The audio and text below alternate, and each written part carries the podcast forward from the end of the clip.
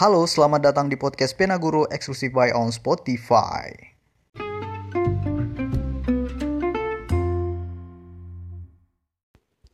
Pengertian sosiologi menurut pendapat ahli. Di sini ada tiga ahli yang menjelaskan apa itu sosiologi. Yang pertama ada Emil Durkheim, yang kedua ada Max Weber, yang ketiga ada George Simmel. Dari ketiga ahli ini mereka menjelaskan uh, sosiologi itu secara uh, menurut perspektifnya masing-masing. Jadi mereka menjelaskan sosiologi itu berbeda satu sama lain. Yang pertama ada Emil Durkheim. Dia menjelaskan, sosiologi adalah ilmu yang mempelajari fakta sosial seperti cara bertindak, berpikir, dan merasakan yang mengendalikan atau memaksakan individu. Jadi sesuatu yang mengendalikan individu atau masyarakat itu adalah fakta-fakta sosial menurut Emil Durkheim. Jadi kalau misalnya ada uh, siswa yang datang ke sekolah, Emil Durkheim melihat bahwa siswa yang datang ke sekolah itu karena ada sesuatu yang memaksakannya sehingga dia datang ke sekolah. Seperti contohnya uh, disuruh disuruh oleh orang tuanya, uh, aturan sekolah memaksanya atau diajak sama pacarnya misalnya. Nah, itu menurut Emil Durkheim, kenapa ada siswa yang datang ke sekolah? Dia disebut sebagai fakta sosial. Nah, terus yang kedua, ada Max Weber. Max Weber menjelaskan bahwa sosiologi adalah ilmu yang berusaha memahami tindakan sosial melalui penafsiran. Berbeda dengan Emil Durkheim, Max Weber menjelaskan bahwa uh, sesuatu itu bisa ditafsirkan. Jadi tindakan-tindakan sosial itu bisa ditafsirkan. Contohnya, uh, kita ambil contoh yang sama. Misalnya ada siswa yang datang ke sekolah. Siswa yang datang ke sekolah itu bisa ditafsirkan bahwa oh siswa ini bisa saja datang ke sekolah karena dia ingin pintar Siswa ini bisa saja datang ke sekolah karena dia ingin menambah teman. Siswa ini bisa di siswa ini datang ke sekolah karena dia ingin makan di kantin. Nah, itu menurut Max Weber. Jadi tindakan-tindakan sosial itu bisa ditafsirkan. Nah, terus yang ketiga, George Simmel. George Simmel menjelaskan bahwa sosiologi adalah ilmu yang khusus dan independen yang mencakup permasalahan konsepsi masyarakat dan individu. Jadi menurut uh, George Simmel, uh, kita harus melihat dulu konsepsinya, yang ada di dalam masyarakat. Kita harus melihat masalahnya dulu. Kita harus lihat interaksi sosial di dalam kelompok e, masyarakat atau individu. Seperti contohnya ada siswa yang datang ke sekolah. Menurut George Simmel, kita harus lihat dulu interaksi e, si siswa tersebut di dalam kelompoknya, baik itu di, di kelompok keluarganya atau di kelompok pertemanannya. Nah, kita harus melihatnya dulu.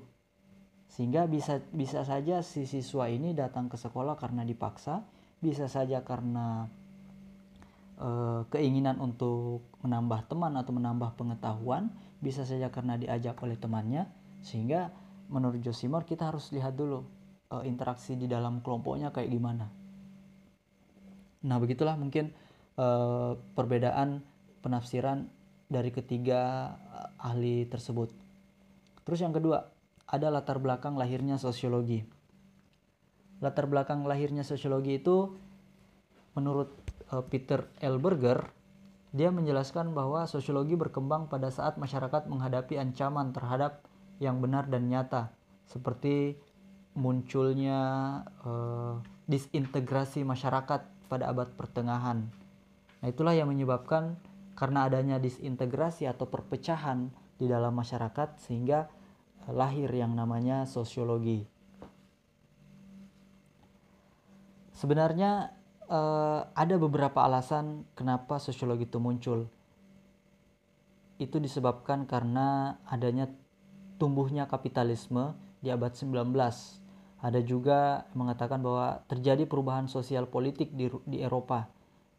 Di ada juga yang men, e, mengatakan bahwa sosiologi itu lahir karena lahirnya ilmu pengetahuan dan teknologi modern Terus ada juga yang mengatakan bahwa sosiologi itu lahir karena meningkatnya individualisme.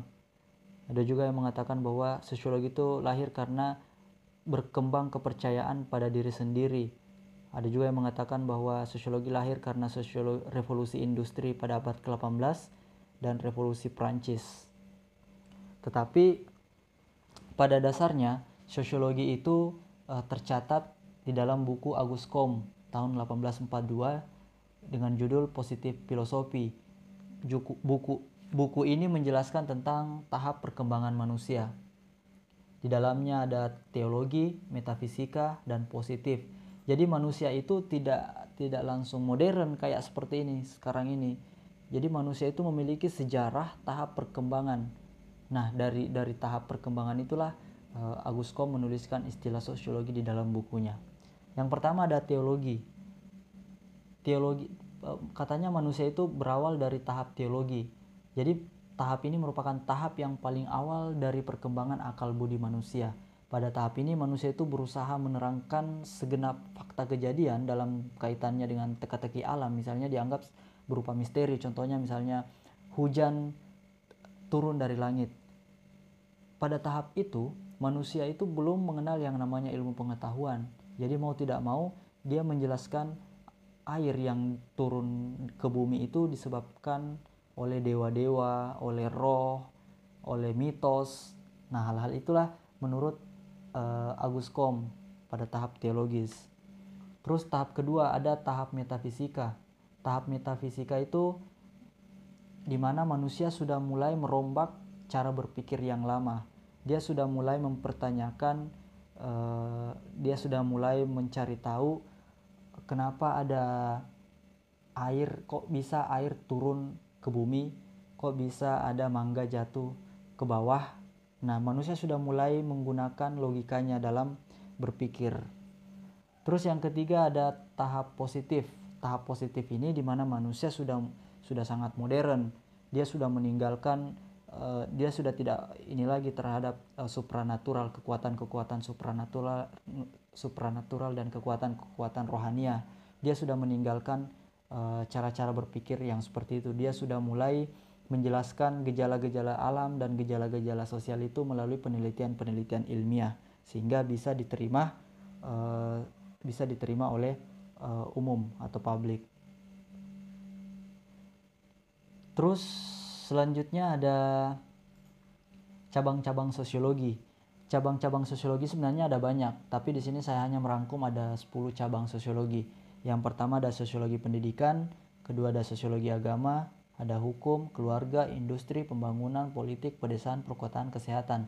Jadi ke 10 cabang ini uh, kalau di dalam sosiologi kita fokus kepada hubungan masyarakatnya, hubungan interaksinya. Contoh misalnya sosiologi pendidikan yang ingin kita lihat bukan pendidikannya, bukan bagaimana cara mengajar, bukan bagaimana cara mendapatkan ilmu pengetahuan, bukan bukan itu tetapi kita ingin melihat bagaimana misalnya hubungan interaksi antara guru dan siswa, uh, hubungan interaksi antara siswa dengan siswa. Nah itu yang ingin yang ingin kita lihat. Contoh lain misalnya di sosiologi agama. Kalau sosiologi agama uh, itu ingin melihat bagaimana hubungan antara umat beragama, baik yang sesama agama ataupun yang berbeda agama.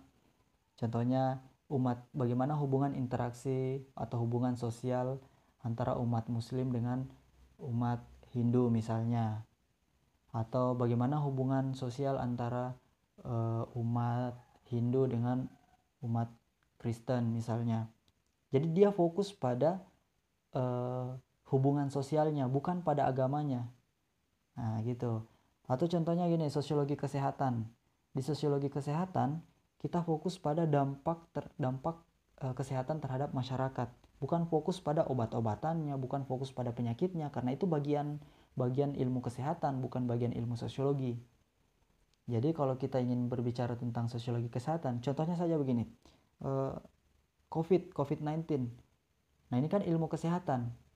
Tapi kalau dari kita menggunakan kacamata sosiologi kesehatan kita harus melihat dampak dari adanya COVID ini misalnya. Nah, itu contohnya. Jadi kita fokus pada uh, hubungan sosialnya, kita fokus pada masyarakatnya, kita fokus pada dampak sosialnya. Jadi bukan pada uh, fokus pada kesehatannya. Nah, begitulah mungkin uh, penjelasan kali ini. Uh, sekian dari saya, terima kasih.